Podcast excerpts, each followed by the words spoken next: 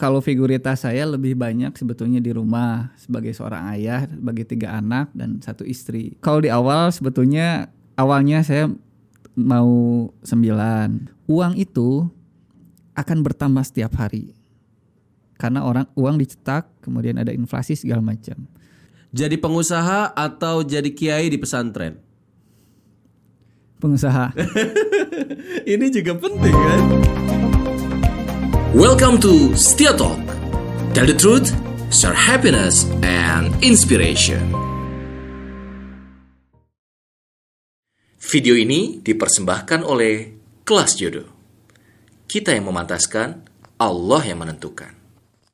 Bismillahirrahmanirrahim Assalamualaikum warahmatullahi wabarakatuh Apa kabar nih teman-teman semua Sahabat setia di mana pun anda berada Masih dalam Setia Talks bersama Setia Furkon Holid Dan kita sudah kedatangan tamu yang istimewa ya. Sahabat saya Seorang pengusaha muda yang luar biasa ya.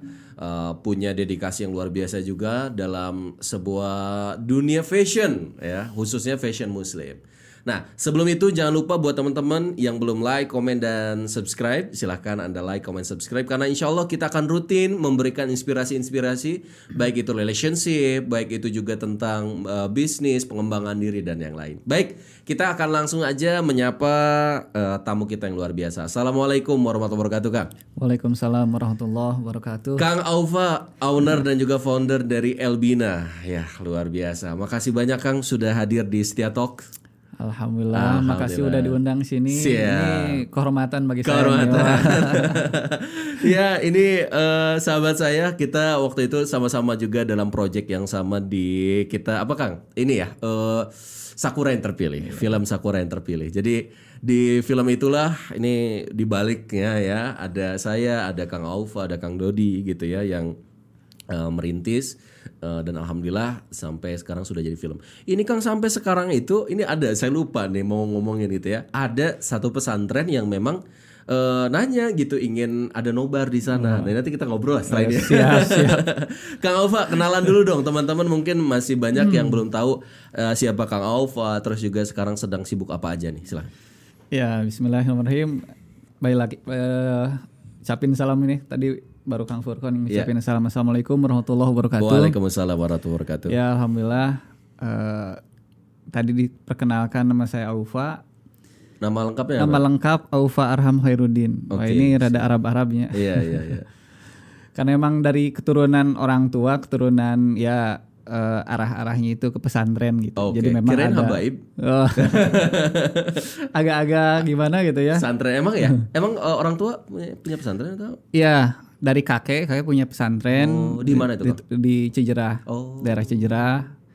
Eh, memang turunannya saya besar di pesantren sebetulnya dari kecil ya aktivitas lingkungan pesantren.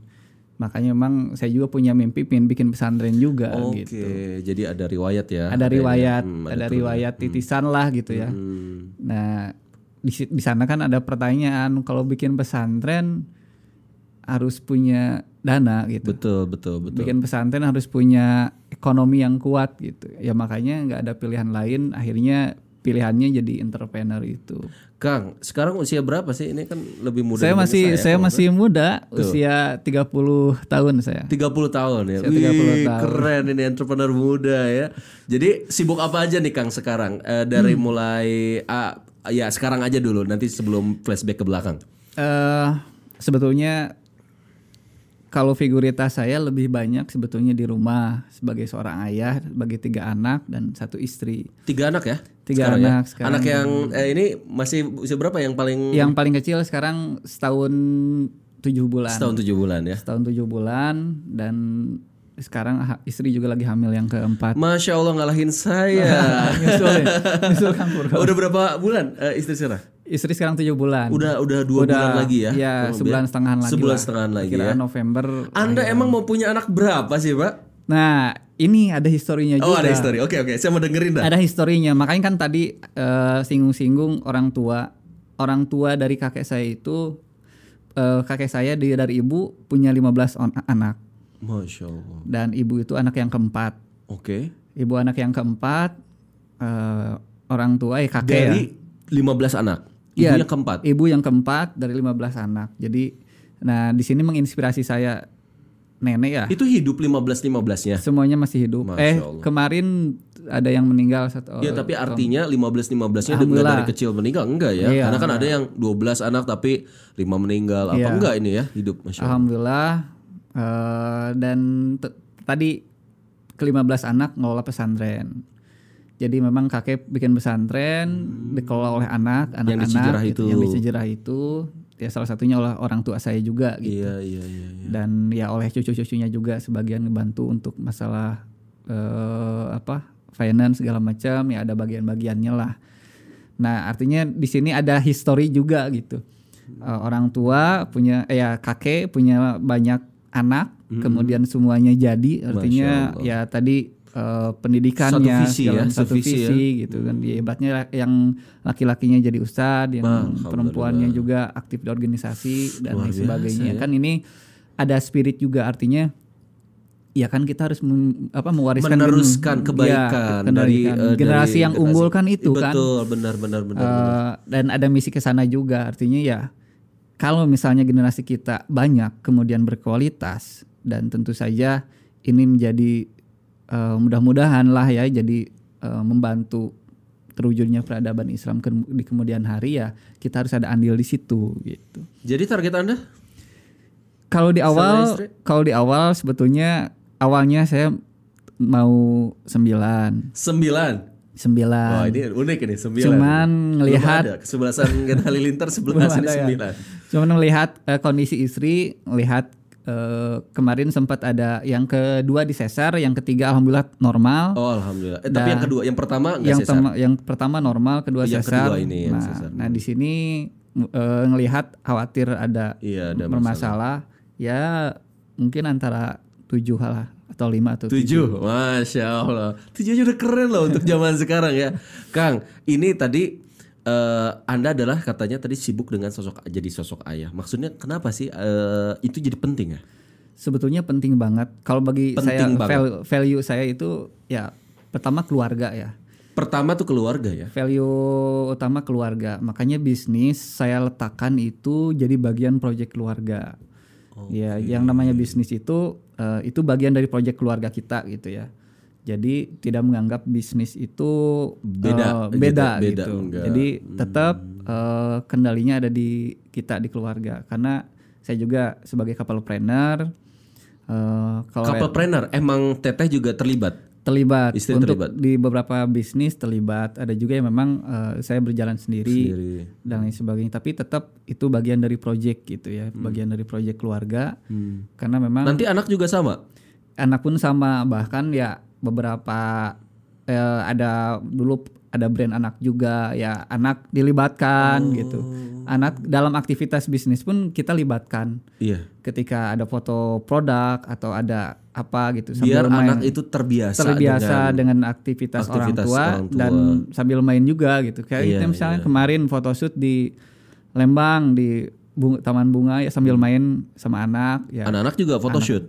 Kalau anak-anak sih hanya Oh, melihat tapi lihat, itu tuh penting Melihat. ya. Itu tuh penting. karena tahu juga gitu ketika kita eh, melakukan Bertransaksi, aktivitas, dan lain aktivitas. sebagainya. Oh, ini lagi kerja, lagi jualan segala macam. Tapi kadang orang-orang suka bilang anak tuh rese kan. Nah. Maksudnya kalau bawa anak, apalagi kita sedang aktivitas bisnis, nanti malah kita nggak fokus, malah anak-anaknya gimana atau anak-anak ngeganggu kita. Itu gimana sih Nah. paradigma itu dirubah kan? Nah, justru itu yang memang bagi saya sebetulnya yang paling utama kan bagaimana kita mendidik anak itu terlibat.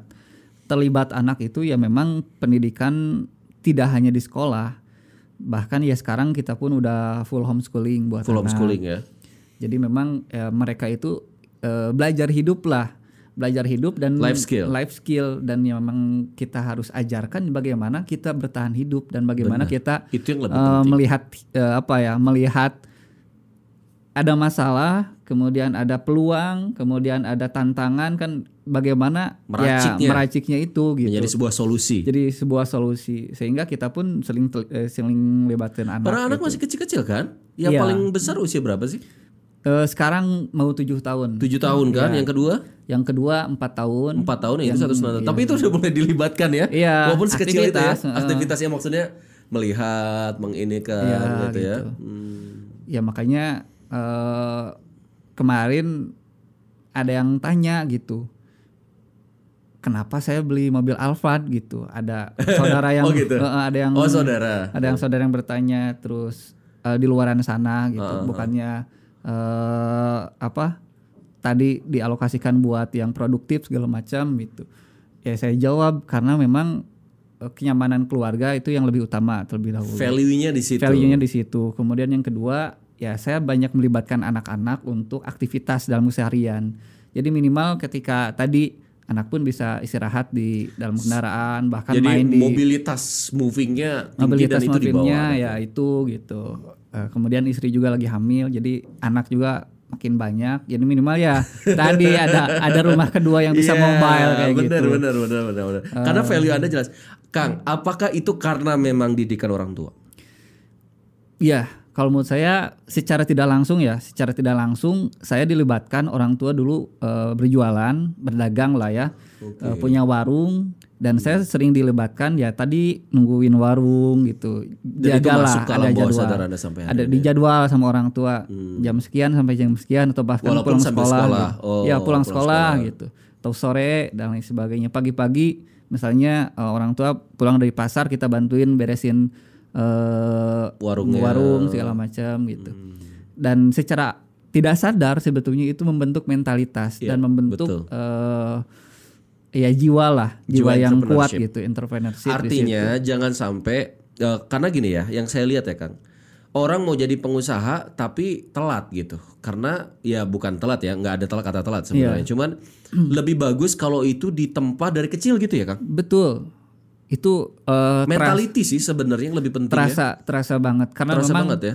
ketika kita menghadapi sebuah tantangan, Masalah. menghadapi masalah segala macam, ya melihat problem solvingnya segala macam itu memang butuh mental, apalagi di dunia entrepreneur lah, Iya. dan terutama di Butuh kondisi saat- keberanian ya. butuh Apalagi keberanian di kondisi sekarang. Nah Benar, ini ya, nyerempet nyerempet masalah pandemi corona. Hmm. Ya di mana orang lain banyak yang bertumbangan, ya kita alhamdulillah masih tetap bisa survive, bertahan, bahkan Hmm. ya bisa Growth ya. growth gitu. Artinya memang ya tadi eh, butuh mentalitas Setuju dan butuh mindset itu yang memang harus Kadang UKM UKM mikirnya ya karena nggak ada modal lah. Iya. Karena nggak ada jejaring lah, karena Betul. sekarang lesu lah Nah, konsumen kayak gimana gimana akhirnya kayak yang udah hopeless gitu. Nah itu Itu gimana sih Kang untuk nih buat teman-teman yang sedang mau ya merintis sebetulnya usaha atau tadi eh sebetulnya yang namanya bisnis secara materi ilmu itu mudah gitu, mudah kita pelajari lah ya. Iya ya, tinggal Kita belajar lah ya.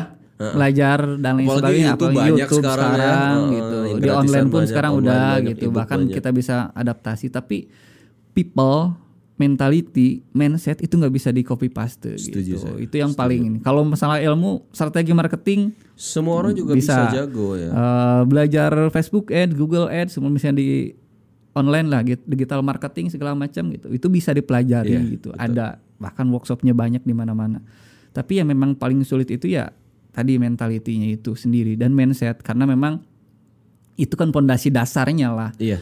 pondasi dasar kalau kita misalnya ngebangun sesuatu dengan ya pondasi yang rapuh ya ada masa sedikit ambruk sedikit ambruk gitu ya mungkin itu yang memang sekarang eh, butuh lah butuh saya tidak menyalahkan masyarakat atau UKM kita Hmm. karena mungkin pola yang diwariskan tadi kita sempat dijajah kita sempat di apa ya ibaratnya itu Brainwash lah. brainwash Iya. Dan pola pendidikan yang diterapkan sekarang pun ya pola pendidikannya Mencetak jadi karyawan. mentak jadi karyawan, Pekerja, betul. pekerja, kemudian bagaimana ya tadi menguasai teknikal gitu. Iya, betul. Ya lulus di universitas segala macam dia punya teknikal gitu, punya skill, tapi dia tidak mengerti bagaimana how to live, how to uh, create uh, money, survive segala macam itu yang memang uh, kurang lah gitu. Dan itu kayaknya nggak ada pelajarannya kan? tidak ada. Adanya di Universitas Kehidupan. Nah, betul itu dia. gitu. dalam kesulitan, dalam kegagalan itu nggak ada gitu ya di di kurikulum mana pun kayaknya nggak ada gitu ya. Betul. Kecuali kalau kita berani untuk praktek. Nah, dan tidak semua orang justru kuat. Nah, itu Apa momen dari Akang yang sampai sekarang memutuskan ya ini cerita dulu lah sejarah ya sampai nanti kita mau ngomongin pandemi dan yang lain gitu. Apa sih momen-momen yang membuat Akang akhirnya jadi pengusaha? Boleh cerita dulu singkat lah ya dari mulai Akang eh, sekolah udah ngapain biar ini teman-teman yang punya anak bisa ngedidik juga oh kayak gini nih tah yang harus diterapkan gitu. Saya nikah ketika kuliah. Maksudnya tuh ya eh, Nikah waktu kuliah, nikah sebelum lulus kuliah. gitu. sebelum lulus kuliah, Sebelum lulus kuliah dengan istri ya tingkat-tingkat eh, akhir ya. tingkat akhir. Tingkat akhir. Apa udah jadi pengusaha? Pada saat itu kalau dibilang pengusaha belum, tapi lebih ke eh, kita punya skill yang memang kita bisa jual gitu. Pada saat itu saya jadi penulis bayaran, penulis hantu ya di beberapa portal Ghostwriter media ya? ya, ghostwriter di beberapa media. Senang nulis emang Kang. Dulu saya aktif di Blog.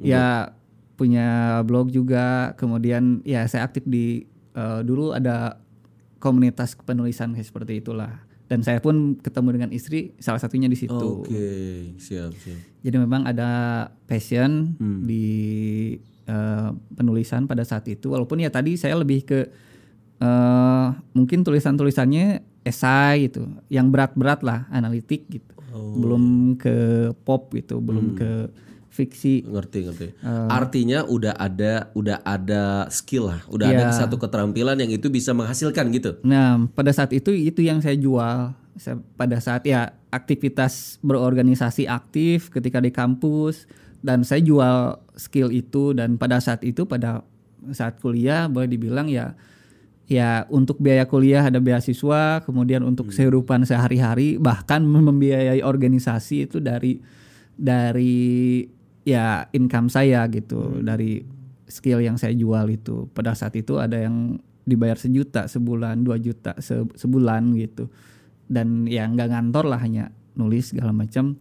Pada saat itu menurut saya Udah eh, cukup. udah cukup lah untuk Lebih sebagai dari cukup lah ya. Hmm. untuk kehidupan ma- mahasiswa gitu. Bahkan ya tadi lebih banyak investasinya tadi organisasi butuh dana segala macam Bahkan kita yang juga support. kita yang support Bukan segala minta minta pakai proposal. nah itu Oh, iya iya. ya artinya memang ada ada passion di situ lah Ngerti, ada ngerti, passion Kok Anda berani untuk nikah sih waktu semester akhir itu? saya itu eh, tadi memang saklek orangnya ya saklek dalam artian ketika eh, boleh bilang mungkin agak nek bukan nekat keras kepala lah ketika Iya. punya target Punya prinsip. punya prinsip gitu ya udah kan saya eh, punya prinsip saya nggak mau eh, pacaran, Pacaran. kemudian saya juga nggak mau eh, apa ya ibaratnya mah eh, melakukan sesuatu yang maksiat, segala macam gitu Hmm, hmm. akhirnya ya tadi pilihan saya udah menikah gitu dan ya tadi keputusan nikah pun itu bukan keputusan maksudnya teh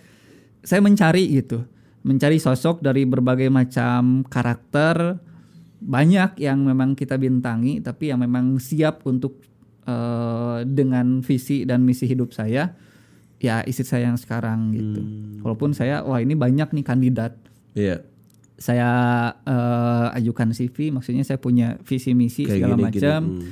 Eh, siap enggak dengan ini? Dan siap yang siap itu makanya ketika dari dari siap kemudian tiga hari kemudian saya datang ke orang tua ke orang tuanya ke rumahnya kemudian Serius. ya betul ya karena ya bagi saya bukan sosoknya ya Oh, ini menarik. tapi ini. eh, Saya setuju banget ini. ya tadi sosok itu kan Iya, sosok itu kalau dia sevisi udah Iya. siapa pun orangnya Iya, gitu. gitu. Makanya gitu. itu ketika- bangun cinta banget ini. Nah, setuju. makanya ketika sesuai dengan visi misi hidup Ya. saya dan dia mengamini kemudian punya uh, value yang sama, uh, ya udah.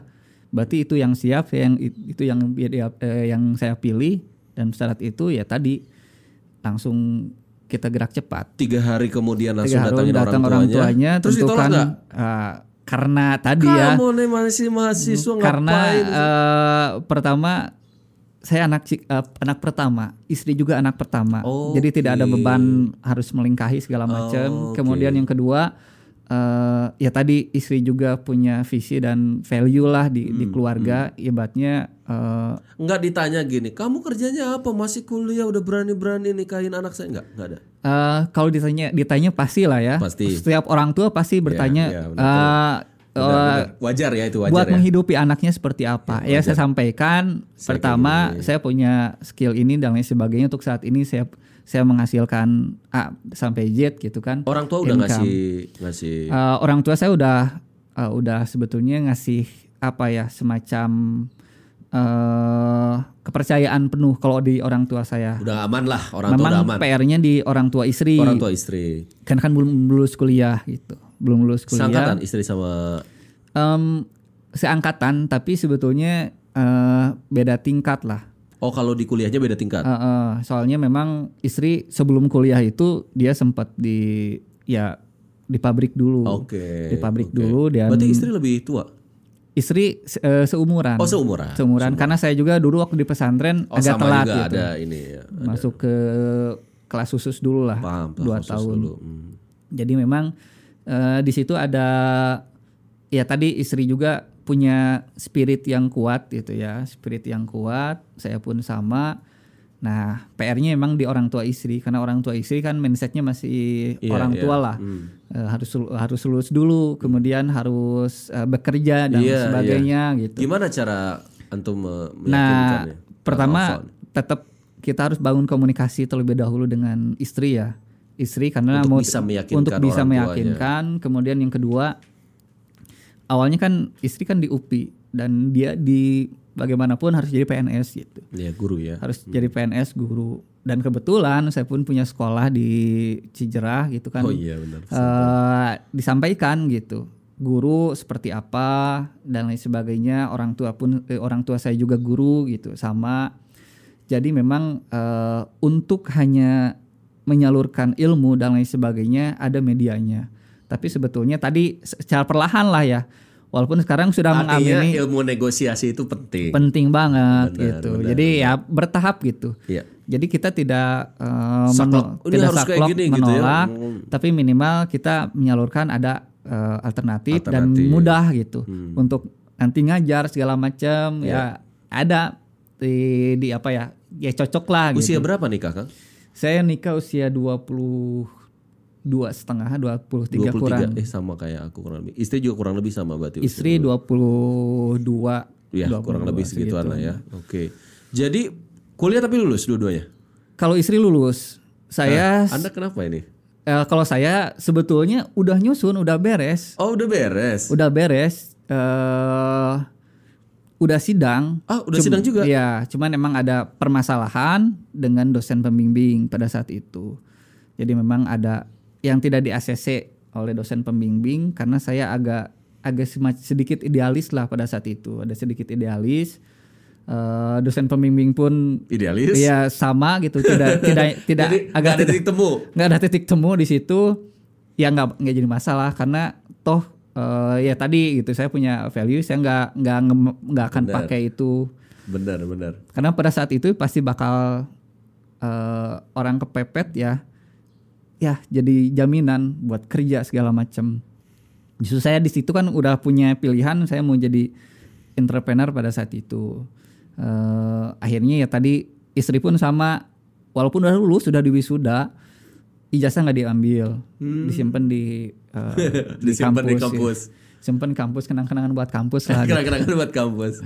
saya pun sama ya skripsi disimpan di kampus aja gitu jadi memang eh, Oh, jadi langsung merintis usaha. Dari nikah udah langsung. nah dari nikah ya tadi eh, saya ngerintis usaha istri pada saat itu masih sebetulnya boleh dibilang kerja tapi part time lah oh, ya nggak full time ya. Eh, tapi nulis juga gitu sesuai dengan passionnya pada saat itu saya udah mulai ngerintis usaha eh, istri hamil bulan eh, hamil karena saya kosongnya cuma sebulan dari hamil Hmm, Wih, mantap. kosong dulu sebulan Sesuai visi 9 anak. ya itu Jadi ngejar ngejar ngejar tayang langsung. gitu ngejar tayang nih makanya di hari pertama eh, pernikahan pun udah kita nyusun rencana kehidupan lah ya rencana kehidupan Penting itu, Kang, ya? Pen- Penting penting, ya? banget gitu Penting momen malam pertama justru ya tadi Buat target. buat target visi segala keluarga. macam dan lain sebagainya Hmm. itu eh, penting bagi saya gitu. Ya, di bulan pertama kita lebih ke brainstorming, cocokan. Ya bulan kedua baru ya alhamdulillah Allah titipkan amanah anak eh bukan anak ya hami kehamilan Iya, gitu. Iya, iya. cabang dan bayi. nah, nah, di situ di situ ada ada semacam apa ya semacam eh, harapan lah ya Berat nggak Kang awal-awal nikah? awal-awal nikah terus berat karena memang pada saat itu eh sebulan dua bulan pertama masih ditinggal di orang tua Siap. di orang tua saya di Cejerah Artinya nikmatin prosesnya juga ya. Iya dari mulai tinggal di orang tua, eh, kemudian memutuskan hijrah segala macam. Awalnya memang eh, saya punya niatan tadi ingin menyamakan visi juga gitu, dan dia harus lebih mengenal keluarga saya betul, gitu. betul. Keluarga saya karena kan di sana ngebina ada masjid, ada pesantren juga gitu. Hmm. Minimal melihat kehidupan keluarga secara keseluruhan karena tadi kan nikah itu nggak cuman kita berdua, Betul, bukan cuma menyatukan dua insan tapi dua keluarga. dua juga. keluarga bahkan keluarga besar Keluarga gitu. besar. Apalagi keluarga saya banyak banget gitu buat ngehafalin nama cucu saya itu cucu ke 60 kalau nggak salah. Eh dari orang tua Cucu ke 60 cucu ke 60. Eh bukan ke 60 sih. Cucu ke 20 kalau nggak salah. ke 20. Cucu ke 20. Total sekarang mungkin udah 80 lebih cucu. Bisa buat kerajaan ya. Iya makanya ya. kemarin ke nikahan ya pasti harus ada Rame bis segala ya. macam Oh, rame banget. Oh gitu ya. Jadi harus siapin bis. Iya. ya bener. minimal istri saya juga harus kenal kan keluarga Iya, saya iya, iya, banyak iya. gitu kan Silsilah keluarga. silsilah keluarga ini banyak Tapi asik nama- gak sih kalau punya keluarga gitu? Banyak. asik banget karena Oh, kan asik banget, semua eh, ya saya jadi, beragam saya lah jadi semangat harus nambah anak Nah, kayaknya. kayak gitu ya. Jadi Makanya tadi- cuma tiga tuh nggak asik ya. makanya kan terinspirasi itu tadi eh, ya pesantren di- dikelola oleh keluarga Itu masing-masing ya alhamdulillah Hmm. bisa ya saling melengkapi lah ada yang memang indah ya. face- apa yang ada yang punya ke, kepotensi di bidang apa di bidang apa semua ngebangun gitu jadi memang ya artinya kalau misalnya cuma satu dua anak misalnya nanti kita punya ya baik itu bisnis atau nanti saya juga lagi ngebangun pesantren ya minimal ada ada berbagai macam kompetensi itu ada di anak gitu Menarik Kang Alfa. Nah sekarang kita mau ngomongin juga tentang eh, sedikit tentang gimana sih prosesnya sampai ada Elbina. ya Eh, momennya gitu. Terus ada nggak sih suka duka jadi seorang pengusaha? jelas banget Jelas banget. Elbina itu sebetulnya belum lama baru tiga tahunan Baru tiga tahunan. ya bisnis itu ya tadi eh saya dari awal dari awal merintis itu saya lebih banyak belusukan di UMKM terutama di Kabupaten Bandung makanya saya tinggal di Kabupaten Bandung eh, Bandung pada saat itu saya ngebina banyak UMKM yang ingin go online pada tahun 2000 berapa ya? Ngebantuin gitu ya. ngebantuin 2000 berapa ya 14 15 lah ya Belum ada 13 Elbina. belum ada Elbina Elbina itu 2017 awal lah nah ngebina UMKM yang pada saat itu ingin go online. Kebetulan ya alhamdulillah kodarullah saya mempelajari di bidang digital marketing pada saat itu ngebantu lah. Eh, satu alhamdulillah eh, sukses, pada saat Sukses, itu gitu. Dan akhirnya banyak yang minta. Nah di situlah mulai mulai semacam ya dibangun pernah ambruk benar-benar ambruk sampai kita hutang bisa ratusan juta hampir Serius, 1 m gitu kan pada Serius, saat kan? itu betul Sebelum ada Elbina. sebelum ada Elbina karena memang pada saat itu Jualan apa dulu sampai kayak gitu sih? sama jadi ya fashion juga Oh sebetulnya. sama fashion juga. ada berapa eh, brand, ada beberapa brand yang dikelola karena pada saat itu kan mindsetnya belum sama lah mindset kita dan owner si owner brand gitu si owner brand kita udah ngegas investasi eh, iklan budgeting segala macam produk nggak ready gitu. Oh. atau nggak bisa di repeat produksi segala Aduh, macam iya, akarnya awalnya mah secara obrolannya iya siap segala macam tapi ketika kita ngegas ternyata eh, dia nggak bisa support akhirnya kan bisa kita support. investasi yang saya keluarkan itu Nggak nggak balik. balik. bahkan bisa jadi blunder awal satu mungkin satu dua masih kepegang dan di situ juga nah saya belajar lah terlalu ngegas artinya terlalu berhasrat lah pada saat itu akhirnya saya ngelola hampir 15 brand pada saat itu 15 brand. 15 Brand orang lain. brand orang lain Dijual oleh Akang. Iya, dibikin sistemnya dari mulai eh, ya online-nya lah. Online-nya ya. Masing-masing semua terpisah gitu. Ada ada satu yang memang bisa ngumpulin semua gitu pada saat itu. Namanya Uvia pada saat itu. Nah, ketika tadi satu berhasil, dua ternyata tadi banyak dan saya belum siap sebetulnya secara Support system support lah, ah. system, tim segala macam. Akhirnya tadi mungkin karena keserakahan pada saat itu akhirnya ngambil semua ngaraku siku ya ibarat kapal terbang lah.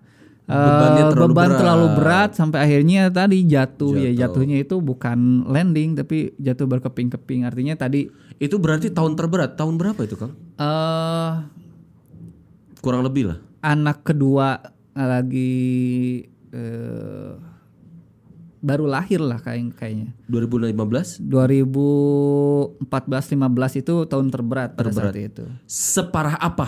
Jadi Nah, supaya jadi oh iya. inspirasi buat UMKM. Oh iya tadi ditambah memang tadi kan eh, istri lagi menyelesaikan kuliahnya sampai wisuda. Jadi memang Istri sedang kuliah, anak hampir kedua tiap hari lahir. hampir tiap hari bolak-balik ke kampus gitu kan, hampir tiap hari bolak-balik ke Jadi nggak bisa fokus gitu ya, nggak bisa fokus ya, bantuin. Ya, tadi artinya memang eh ya ada tim-tim yang nggak nggak kekontrol pada saat itu ya pada akhirnya bisnis jadi eh, ambruk pada saat itu.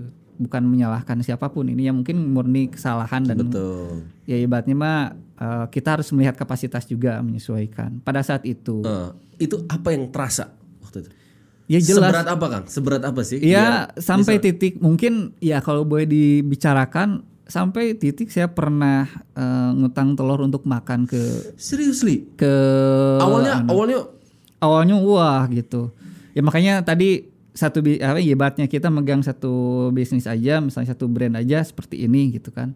Eh, income segala Ini macam 15. tambah dua ini tambah 15 itu awal ya tadi satu dua kerasa gitu cuman tadi gitu perputaran uang cash flow Nggak eh, terkontrol. nggak terkontrol segala macam jadi banyak yang seling subsidi yang ini belum selesai ya akhirnya nah di situlah mulai jatuh, gitu jatuh. ninggalin hutang ke beberapa vendor. Eh, akhirnya tadi di sana bukan ilmu bisnis lagi yang pelajari Bukan ilmu bisnis lagi. tapi ya pertama manajemen hati itu yang paling utama. Saya banyak ngaji ke DT kemudian saya eh, selain manajemen hati saya eh, belajar fikih muamalah lebih dalam lagi. Barangkali ada hal-hal yang memang Dievaluasi dievaluasi karena kalau ngomongin ilmu bisnis ya ah, Perasaan udah ya, pakai ilmu bisnisnya gitu. semua dari A sampai Z apa yang singgah gitu eh, yang nggak kita aplikasikan gitu kan dari mulai Facebook Ads, Google Ads, SEO, website, mana sosial media marketing semua channel dipakai ya akhirnya jadi letih karena ya tadi tadi gitu Basic awalnya itu basic yang harusnya awalnya diperbaiki. itu. makanya yang paling mahal itu ya tadi mindset dulu yang Setuju, diperbaiki setuju, setuju. oh karena kembali di situ mentalitasnya teruji di situ evaluasinya apa Pernah nggak ngerasa down banget waktu itu? kalau merasa down banget sangat pada saat awal-awal ya awal-awal ya tadi makanya Apa ada yang neken-neken?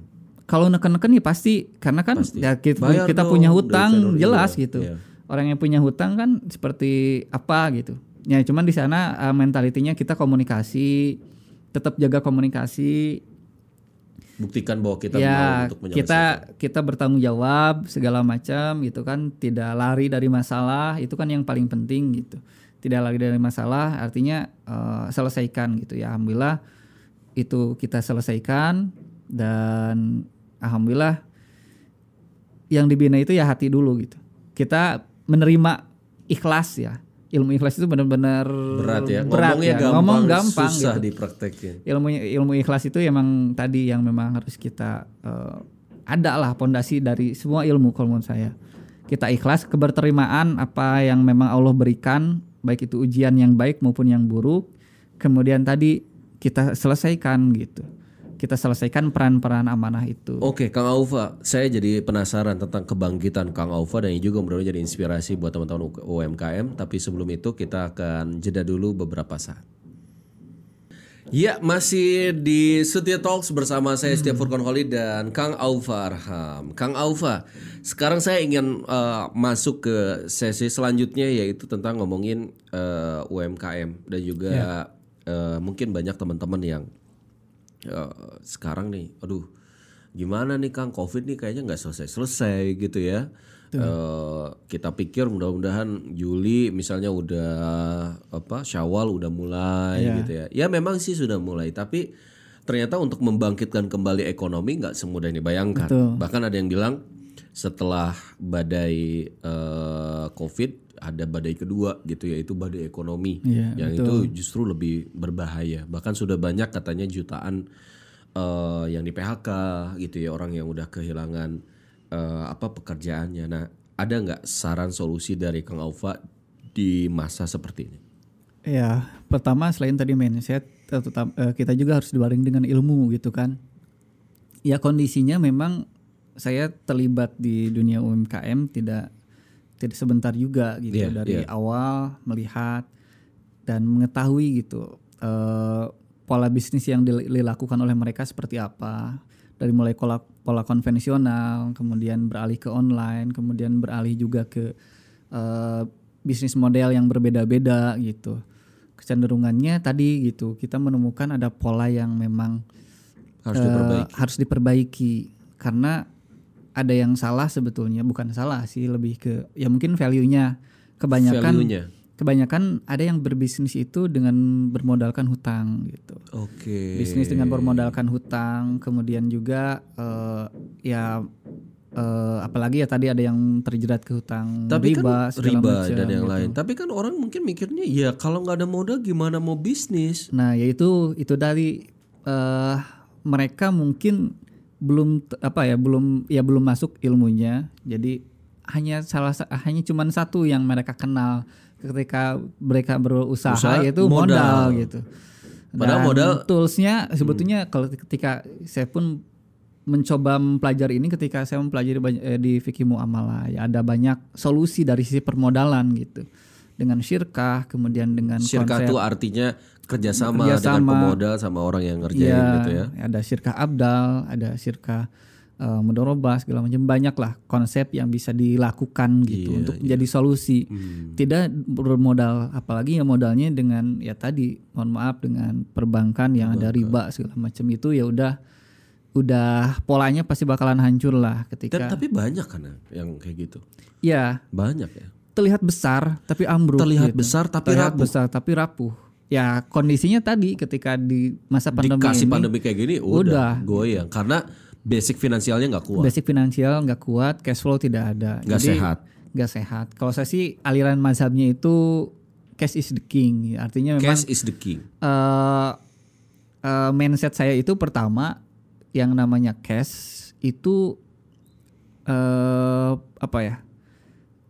Urat nadinya lah kalau di bisnis. Karena kalau tanpa ada cash flow yang sehat, kemudian keuangan gitu. Susah mau ngebangun- juga ya. Dan juga ngebangun jangan sampai pakai hutang. Jangan Makanya, pakai utang. eh, kalau pola di konvensional dia berhutang bahan, kemudian dia produksi. Kemudian bahkan produksi pun ya tadi ada yang modal sendiri, ada yang memang buat ongkos jahit segala macam dia pinjam gitu berhutang lagi. Produk lempar ke pasar.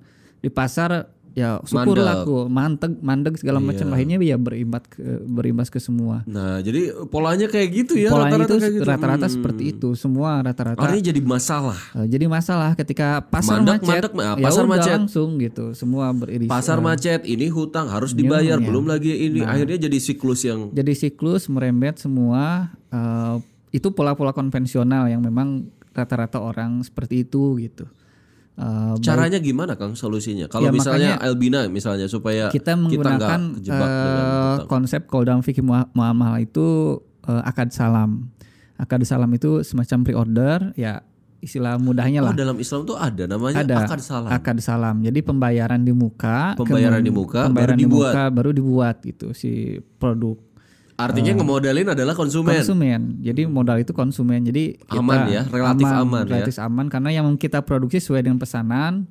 Kita lebihkan juga karena ada mod, ada keuntungan di situ. Kita lebihkan produksi untuk backup, backup bisa ada yang Apakah itu dari awal akan mem- membangun Albina seperti itu? ya di mungkin itu di tahun apa di tahun pertama di bulan ke-6 ke atas lah. Di awal-awal memang ada tadi ada produk juga yang ready stock. Tapi dievaluasi Kita akhirnya pre-order lebih evaluasi, bagus. kita pre-order lebih aman. lebih aman. lebih aman ya tadi eh, kita lebih tenang gitu karena kit- kita ter- tidak pernah ada beban hutang gitu Cuman banyak orang yang ya itu mungkin ya kembali ke mindset ya. Banyak yang bilang pre-order siapa yang mau pre-order gitu.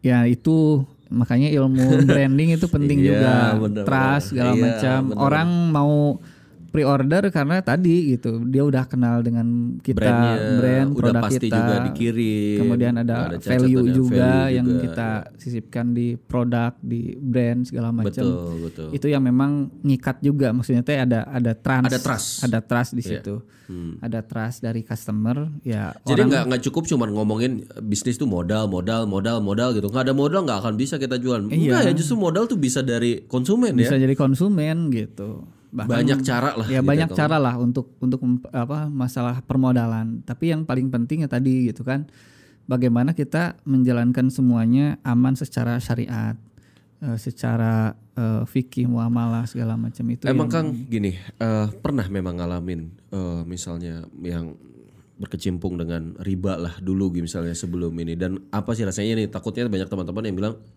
kalau gua udah pakai ini aman-aman aja kok nggak ada masalah atau kayak gimana gitu. Ya, eh, jelas kan dalam Al-Quran secara teksnya itu ya pelaku riba, pelaku riba itu yang mencatat, yang jadi saksi, yang ini ya itu menantang perang dengan Allah dan Rasul. Gitu. Siapa sih yang bakal menang gitu? Udah pasti dihancurkan. Ya pasti bakalannya hancur gitu. Tunggu waktu aja. Hanya fakta diri saah, tunggu tanggal hancurnya. Saya pun sempat pada saat itu ya tadi eh, ada cicilan lah, ada cicilan mobil segala macam pada saat itu yang awalnya memang niat mau dilunasi gitu pada saat itu. Eh ya udah nyicil dulu gitu. Eh nanti dua bulan dari itu mau dibayar segala macam. Tapi ternyata ya Allah kasih ujian dari bisnis gitu kan. Bukannya untung malah jadi buntung, tadi gitu. Iya. Yang niatnya mau di eh, lunasi eh ternyata Nggak malah ada mana nggak ada gitu. Ya artinya secara hitungan matematika itu ya bisnis Bisa, seperti itu. iya. Tapi ya tadi ada matematika. Ada faktor X yang itu Ada bisa membuat X. yes bisa atau malah jadi nggak bisa. Iya gitu. Kalau secara ini oh ya ini ada ini. Ya sekarang lah kayak gini Kang, kayak misalnya COVID ini, siapa Hmm. sih yang memperkirakan? Iya betul. Siapa yang merencanakan akan gagal dalam hidupnya? Enggak kan? Jelas. Apalagi teman-teman kita misalnya yang travel, yang Iya. apa, waduh, itu kan nggak kepikiran bahwa selama enam bulanan nih, udah masuk ke enam bulan gitu ya, itu nggak bisa ada pesawat misalnya, atau juga nggak bisa perjalanan atau umroh atau yang lain gitu, Iya. dak langsung mati dalam seketika gitu. Iya. Teman Solusinya gimana tuh Kang? Kalau ada orang misalnya kita ada di bisnis yang memang oke lah Kang bisa, terim- iya yang kena langsung, langsung. berimbas. Temen ada yang punya travel juga, eh, teman dekat lah, teman dekat, dan dia shifting langsung otomatis. Harus berani shifting, jadi nggak boleh malu ya Kang. Dia shifting, ya, ya tadi dia jadi jualan kurma dari dia dari jualan oleh-oleh haji, dia dari apa da- jadi jualan eh, e-course eh, dan lain sebagainya. Akhirnya memang ya terberdayakan juga. survive. Yang penting survive karena Jangan malu ya, jangan gengsi ya. Iya, ya tadi market yang ada pun tidak pernah hilang. Ya kalau saya sih ini saya punya prinsip teori kekala- kekalahan uang. Teori kekekalan. Nah, uang Menarik nih, menarik, menarik, menarik. ini jarang orang tahu lah teori kekalahan orang uang. Pertama, uang itu tidak akan pernah hilang. Uang tidak akan pernah hilang. Uang tidak akan pernah hilang. Uang itu per- eh, pasti ada, tidak akan pernah berkurang. Kemudian teori yang kedua eh, apa ya poin yang keduanya, uang itu akan bertambah setiap hari. Karena orang uang dicetak, kemudian ada inflasi segala macam. Eh, teori yang ketiga, uang itu hanya berhenti atau berpindah kalau tidak ke rekening kita atau ibaratnya ke kantong kita, itu ke kantong orang lain. Kemudian yang keempat tadi bangun yang harus dibangun itu channel distribusi uang. Bagaimana agar uang itu masuk ke kantong kita. Ya itu teori sederhana dasar lah. Tapi Karena- ini penting banget ya. Karena orang menganggap wah krisis, Oh, krisis nih. uang nggak ada, Uang ada. segala macam. Bukan uang itu nggak ada, uang itu Bukan bisa. uang nggak ada. Iya, tadi uang itu berhenti, tidak berputar, atau uang itu berpindah ke channel yang lain. Artinya ketika krisis sebenarnya akan ada orang kaya baru pasti, pasti itu. dan ada orang yang hancur. Gitu. Iya. Ada perusahaan yang hancur. Ya makanya tadi Ada keseimbangan baru di sana. ya ada keseimbangan baru. Bahkan sekarang kan ya orang lebih aware dengan kesehatan, investasi buat kesehatan itu eh, lebih Bisnis banyak gitu. laku ya. Bisnis kesehatan ya makanya ini ada ada dalam tanda kutip konspirasi di luar gitu. akhirnya goalsnya nanti jualan vaksin segala macam yang rame-rame kan di luar lah ya tidak menutup kemungkinan karena ya akhirnya tadi orang semua wajib divaksin ini siapa sih yang buat vaksin gitu kemudian eh, ya tadilah gitu konspirasi politik dan lain sebagainya itu pasti bermain semua Iya benar-benar. sektor ekonomi yang lain ya pasti ber- eh, inilah ada ada mas ada masalah di situ ada bergerak Lalu Kang, kalau kalau ngomongin tentang masalah ini gitu ya, gimana sih misalnya eh, ah, kalau dari Albina sendiri terasa nggak sih eh, misalnya ada eh, ya dan caranya gitu ya untuk tetap survive dalam dalam pandemi seperti ini. Misalnya kalau kita sedang merintis usaha nih gitu. Ya pertama sih eh, poinnya bagaimana kita menguatkan mental. Mental itu penting Pertama. banget ya. Kemudian Jangan hopeless ya Kang. ya bukan hanya si owner tapi si tim juga. Oke. Bahkan di awal-awal pandemi ya semua panik gitu. Eh, semua Dan itu panik. wajar, dan itu wajar. wajar. Dan tim pun panik. Ya akhirnya di sana ya saya kumpulkan, saya ceramah selama dua jam sampai tim pun ya Semangat nangis kembali dan nangis. lain sebagainya gitu. Eh ya tadi gitu kita memunculkan spirit gairah. Justru di, di kondisi ekonomi saat ini kita harus bergerak. Karena yang bergerak itu kita yang akan jadi semacam penggerak ekonomi gitu. Benar. Kalau berhenti ya udah kita Ya jadi mati, rentetan benar-benar mati. mati. gitu. Iya benar. Justru untuk merawan kan sekarang gadang-gadang eh, Indonesia bulan ini masuk ke resesi Iya, gitu. iya. Udah banyak di portal media segala macam.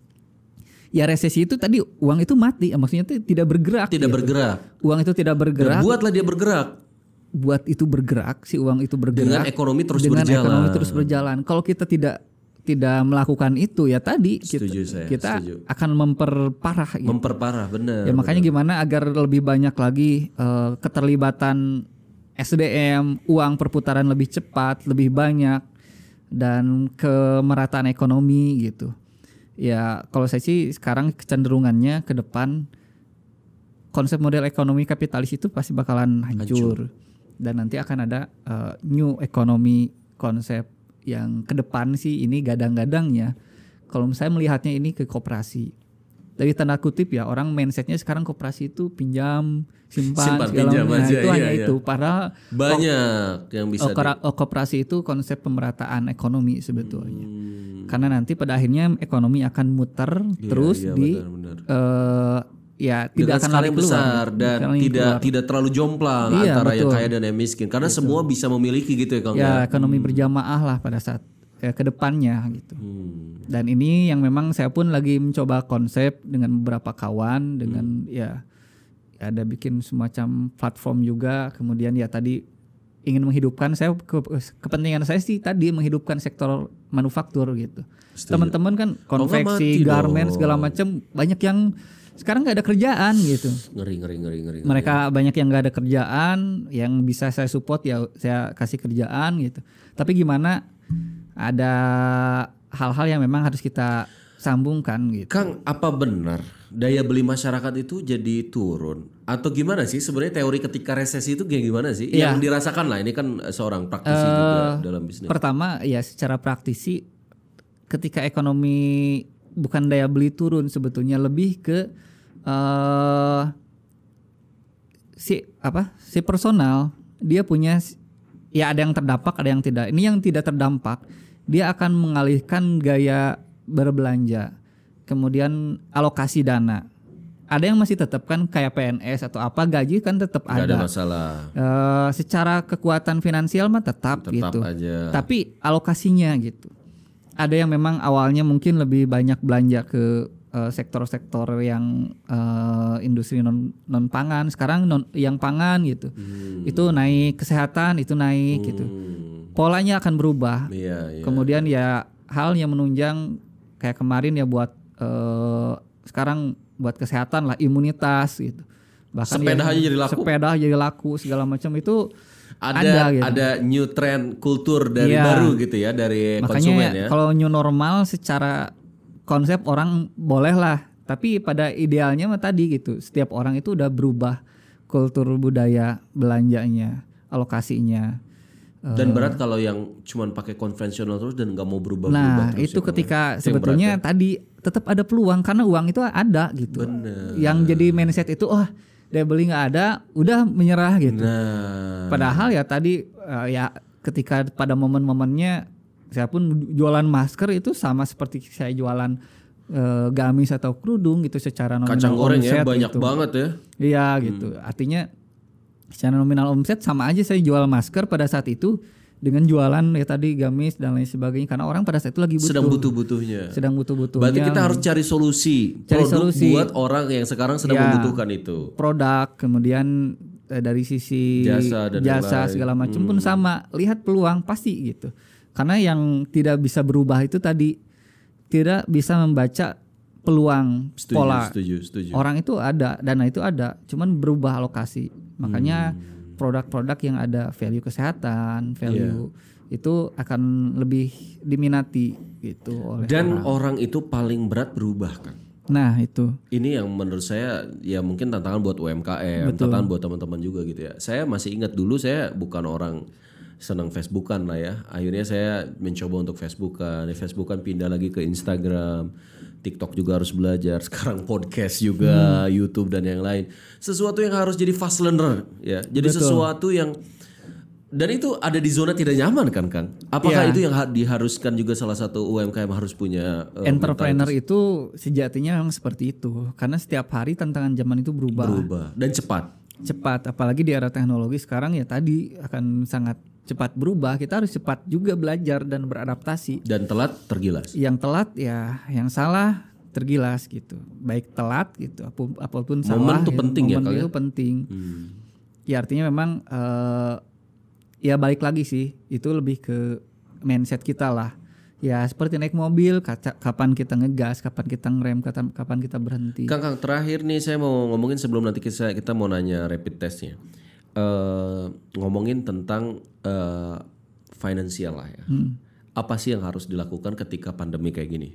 Misalnya apakah tunda investasi atau juga ya buat siapa pun lah gitu ya. Ada advice in eh, financial yang bisa Akang sarankan nggak buat teman-teman di rumah? di sana?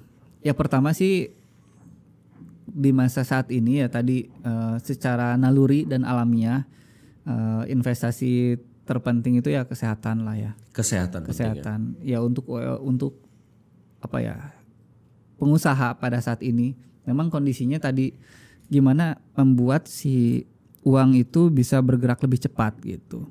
Karena itu jadi salah satu solusi untuk mendorong eh, perputaran ekonomi gitu. Kalau misalnya kita menunda atau misalnya me- taruhlah kita punya uang eh 100 juta di rekening gitu, diendapkan, tidak diputarkan gitu. Sebetulnya dalam taruh eh, logikanya seperti ini, 10 juta apa 100 juta. Taruh kalau dibagikan ke 100 orang ini ada 10 orang awas ada 100 orang gitu. Yang punya buying power Ya, kemudian tadi dari sisi produk itu juga bisa eh, memutar gitu, memutar secara ekonomi gitu ya. Dari 100 ini ada keluarganya akan ikut. Benar, benar, benar. Artinya eh, gimana nilai Roda investasi? ekonomi ini harus terus berputar. Nah, roda roda ekonomi harus berputar. Jangan kita simpan gitu. Jangan kita simpan. Justru Karena ini waktunya kita ngeluarin. Waktunya kita me- memulai. Jadi itu seperti merangsang gitu, merangsang eraksi Hmm. Ekonomi. ekonomi. gitu. Eraksi ekonomi itu dirangsangnya dengan perputaran uang yang cepat. Kalau dari sisi entrepreneur gitu, ketika ada uang nganggur daripada didiemin gitu, diam terus lama-lama habis juga gitu. Setuju dengan inflasi. Dengan inflasi, kemudian dengan ya kita pun pasti ada kebutuhan segala macam lama-lama akan habis, tapi ekonomi gitu. Hal kecilnya ketika ada yang yang dagang lewat gitu, Hmm, do- do- eh, tukang asongan segala macam, ya kita beli misalnya atau apa, ya untuk merangsang terus gitu.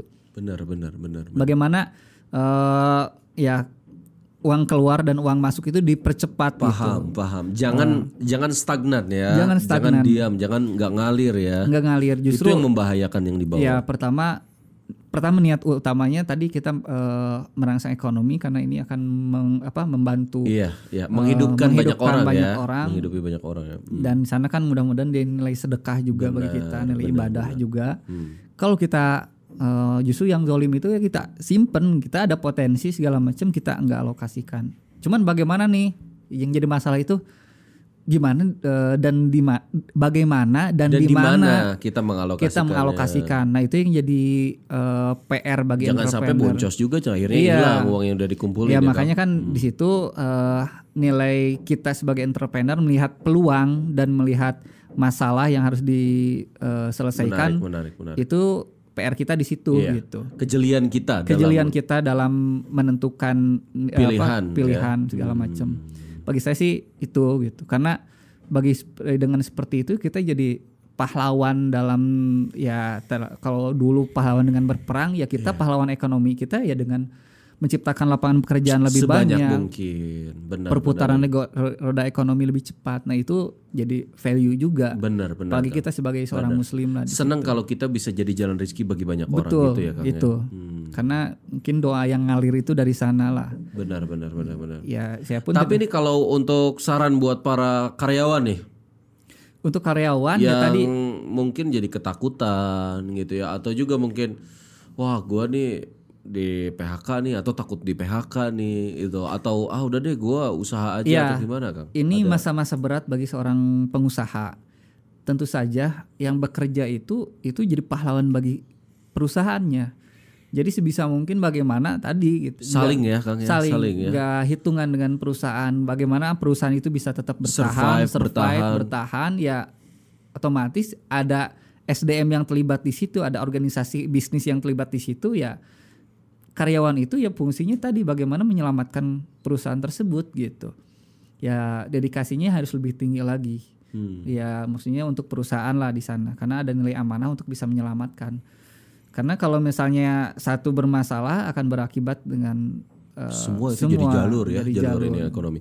Kang, oke kita masuk ke rapid test. Waduh. Ada apa nih? santai, santai. Ada beberapa pertanyaan tapi tolong dijawab dengan cepat gitu Ah, aja siap, siap. ya. Bukan dites Covid atau enggak. enggak perlu juga kalau itu ya. Oke, Kang, ada beberapa pertanyaan. Saya tolong minta Akang jawab dengan cepat. Keluarga atau bisnis? keluarga Keluarga. Uang atau tanah? Uang. Tanah atau emas? mas Anak atau istri? istri. Iya iya iya. Karena kan dia yang yang ini anak lagi ya. Nah. nambah bisnis atau memperbaiki bisnis? Nambah bisnis. Nambah bisnis. Bantu UKM atau mengembangkan usaha lebih bagus. Bantu UKM bantu UKM jadi pengusaha atau jadi kiai di pesantren? Pengusaha. Ini juga penting kan? Jadi pengusaha itu kan- karena kan ada tujuannya juga di situ ya. Eh, satu lagi lah. Eh nambah anak nambah usaha. Ini jadi pertanyaannya dua-duanya harus.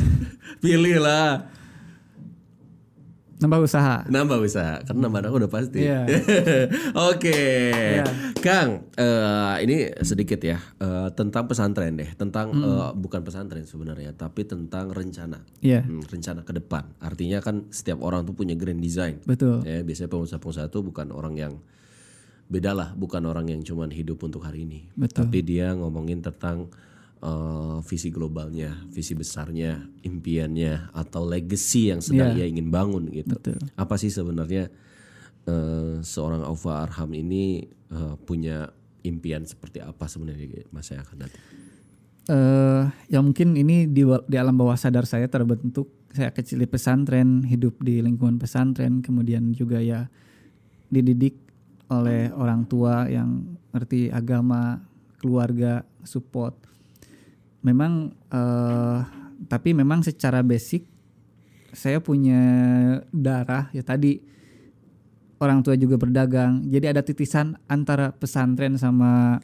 eh, entrepreneur lah akhirnya saya memilih untuk jadi entrepreneur. Pertama beban tanggung jawab untuk jadi yang di jalur kiai, yang jalur ustad itu banyak lah gitu ya, udah udah banyak gitu. Tapi sangat sedikit muslim yang bergerak di jalur entrepreneur. Nah, di sini tentu saja eh, saya pun ingin menciptakan tadi menciptakan eh, bagaimana nanti muslim itu kuat secara finansial. Muslim kuat secara finansial otomatis ya tadi basic agamanya udah pasti otomatis dan dibekali dengan entrepreneur. Dan ini yang masih agak kurang. Kan kebanyakan Setuju, setuju, eh, setuju. baik itu sekolah yang berbasiskan Islam gitu ya, mencetaknya jadi hafiz Quran lah, jadi eh, ahli apa di bidang agama segala macam itu udah udah banyak. Udah Tapi gimana yang memang menguasai ekonomi nah ini yang belum banyak gitu. Benar, benar. Ini yang belum Ini banyak. PR besar kita ya. Ini PR, ber- besar umat ya. PR besar kita dan ya terutama eh, saya pun akhirnya ngambil jalan ini jalan yang memang jarang sekali lah. Fardu kifayah lah. Fardu ya, ya. kifayah kalau menurut saya karena memang ya tadi sebetulnya Kalau nggak ada yang main di sana siapa? siapa yang Iya. Siapa yang dakwah support gitu. dakwah? Benar. ekonomi siapa Padahal yang- dulu Usman bin Affan, itu luar Abdurrahman bin biasa Auf, semua yang lain ya. para pengusaha sahabat Nabi semuanya para pengusaha. Para Nabi pengusaha. pun sama gitu kan Betul. Artinya dakwah juga butuh support, butuh butuh akomodasi butuh akomodasi, butuh finansial Iya, butuh perputaran. perputaran Nggak bisa menafikan itu ya, Kang ya. karena ya ijah dakwah itu akan kuat dengan ekonominya. Bagaimana tadi orang lapar ya orang lapar dalam tanda kutip dikasih dalil agama nggak akan kenyang gitu. Benar, benar. benar, Tapi ya benar. kasih makan dulu baru eh, tadi kita ajak untuk mengenal Allah untuk membaca eh, Allah, benar. karena Jadi impiannya adalah buat pesantren. buat pesantren dengan basisnya basis eh, entrepreneurship gitu dan basisnya saya nyari di daerah-daerah karena ingin membangkitkan ini juga sih apa Membantu para eh, membantu ya jadi Generasi muda. generasi muda lah itu sih niatan ke ke depannya Amin. Mudah-mudahan terwujud Kang Alfa. amin Closing statement Kang Alfa kita udah satu jam ngobrol. wah luar biasa ini. Gak Nggak kerasa kerasa ya, asik ya kita ngobrol ya. Silakan Kang Alfa, ada yang mau disampaikan dari eh, Kang Alfa buat teman-teman UMKM khususnya gitu ya. Silakan. Ya pertama untuk teman-teman UMKM ya jangan eh, jangan sampai kita berputus asa. Pertama ya tadi yang sempat saya bilang saat ini kitalah sebagai pengusaha eh pengusaha saat ini menjadi sebuah semacam pahlawan-pahlawan yang memang tanpa tanda jasa, bukan hanya guru lah. Karena untuk membangkitkan nilai- eh, ekonomi, kemudian untuk membangkitkan eh, membangun bangsa secara global, baik ya kita menjadi pahlawan buat keluarga, jangan sampai menyerah, lingkungan sekitar dan untuk eh, Indonesia tentu saja. Dan mudah-mudahan ya tadi kita sebagai seorang muslim pun dituntut untuk bisa bermanfaat bagi banyak orang, khairun nas anfa'uhum linnas. Untuk menjadi pengusaha, inilah jalan jihad pada saat ini. Mudah-mudahan teman-teman bisa terus bertahan, survive, jangan sampai menyerah. Karena entrepreneur itu tidak ada kata menyerah. Entrepreneur itu pasti akan menemukan jalan dari setiap kesulitan. Be strong, be smart, dan be happy. Luar biasa. Waalaikumsalam warahmatullahi wabarakatuh. Tapi sebelum ditutup, Kang Aufa kayaknya mau ngasih hadiah Oh, ya. nih. Kita selalu uh, rutin gitu ya, selalu ada giveaway di akhir gitu ya buat teman-teman semua. Eh, nah nih ada beberapa nih. Oh untuk ahwat-ahwat ya. Saya juga ini sekarang pakai kaos kaos dari apa nih Kang brandnya Kang? Kalau yang Eh, itu Ziada tapi memang eh, seri Aroyan. Oh Aroyan, serinya Aroyan ya. Jadi eh, ini brandnya juga dari Kang Aufa. Dan ini Elbinanya nih. Ada tiga nih. Kang Aufa, apa yang harus dilakukan teman-teman? Ini juga untuk Ikhwan nih. Ada ya kaos juga. Ini enak banget ya, nyaman banget ya. Ketun bambu anti Cotton bakteri. bambu. Wih, Insya Allah nggak akan bau-bau lah. Mantap, mantap, mantap. Kang Aufa, gimana nih buat teman-teman kalau mau eh, dapetin tiga ini nih, jadi satu orang satu. Silakan. Kang Aufa. Eh, ini lebih ke challenge pertanyaan atau seperti apa? Eh, yang pasti harus follow dulu dong. Oh ya, follow Instagramnya Elbina Hijab. Elvira Hijab, Ada juga Elbina Staff, Elvira Ziada, Staff, Ziada. Ziada. nanti ditulis di situ ya. Eh, Kalau Alfanya enggak di follow. kalau saya sih lebih enak main di belakang. Oke, oke. Terus udah gitu apa lagi? Harus ngomen mungkin di bawah ini ya. ya mungkin Kenapa apa apa apa, apa ya pertanyaan mungkin ada? eh, komennya itu tadi eh, tulis teori kekekalan uang. Teori kekekalan uang tuh, ya. Bisa diulang lagi Bisa diulang lagi. Apakah teori kekekalan ulang uang Nanti bagi yang bisa jawab nanti kita akan cari yang tercepat dan juga yang paling bagus pertanyaannya eh, paling tepat ya korelasinya juga akan mendapatkan eh, salah satu dari ini ada tiga berarti ya jawabannya. Iya. Jangan lupa sekali lagi teman-teman Anda harus follow dulu Instagramnya Elbina Hijab, Hijab. Elbina Staff. Staff dan juga Ziada distro. Ziada Distro. Distro, Ziada Distro ya, itu di follow dulu Instagramnya. Terus anda komen di bawah ini apa aja tadi hukum kekekalan uang. Iya, itu hukum aja. kekekalan uang. Silakan. Nanti kita akan cari yang terbaik dan akan mendapatkan hadiah dia dari Elbina. Mudah-mudahan Elbina makin berkah, Amin, makin hebat, amin, amin. makin sukses, memberdayakan banyak orang. Cita-cita Kang Aufajo terkabul dengan keluarga besarnya. Eh, saya tutup dengan satu quotes yang mudah-mudahan ini eh, bisa bermanfaat buat kita. Sahabat sekalian, ada dua hal penting dalam percakapan kita kali ini, yaitu leadership dan entrepreneurship. Dan dua hal ini tidak bisa kita bangun dari sejak kita udah dewasa, tapi pupuklah dari kecil. Ketika kita punya anak, maka didiklah ia dengan leadership yang benar dan entrepreneurship yang benar. Saya Setia Setia Furkon Holid, masih di Setia Talks. Jangan lupa like, comment, dan subscribe. Assalamualaikum warahmatullahi wabarakatuh. Waalaikumsalam warahmatullahi wabarakatuh. Setia Talk. Tell the truth, share happiness and inspiration. Halo buat teman-teman semua yang udah menonton tayangannya ini dan mendapatkan manfaat juga inspirasi, jangan lupa untuk like, comment, share, and subscribe ya. Insya Allah membuat kita semakin semangat untuk bisa memberi inspirasi lagi.